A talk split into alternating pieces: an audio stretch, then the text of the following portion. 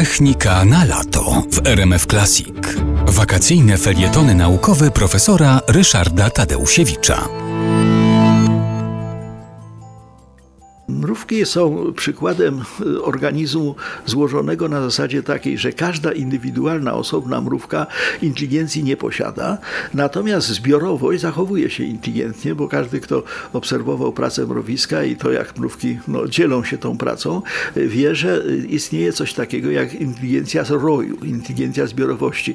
Inteligencję roju można zresztą przypisać także pszczołom, można różnego rodzaju no, zbiorowościom, nie tylko zresztą owadów, inteligencję roju wykazuje na przykład y, klucz ptaków lecących y, no, gdzieś tam y, za ocean, czy ewentualnie ławica ryb. Tam działa to, że każdy osobnik jest elementem systemu i wobec tego w podobny sposób funkcjonują metody tak zwane mrowiskowe czy mrówkowe w informatyce.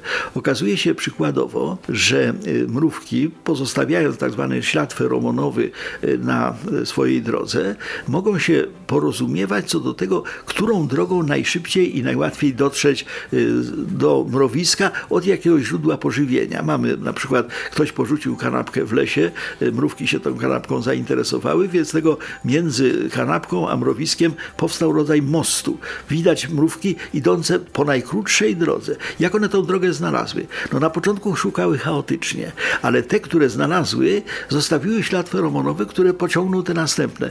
Jakimś czasie okazuje się, że jest jedna, jedyna ścieżka, która prowadzi do sukcesu. Dokładnie czegoś takiego potrzebujemy też sztucznej inteligencji.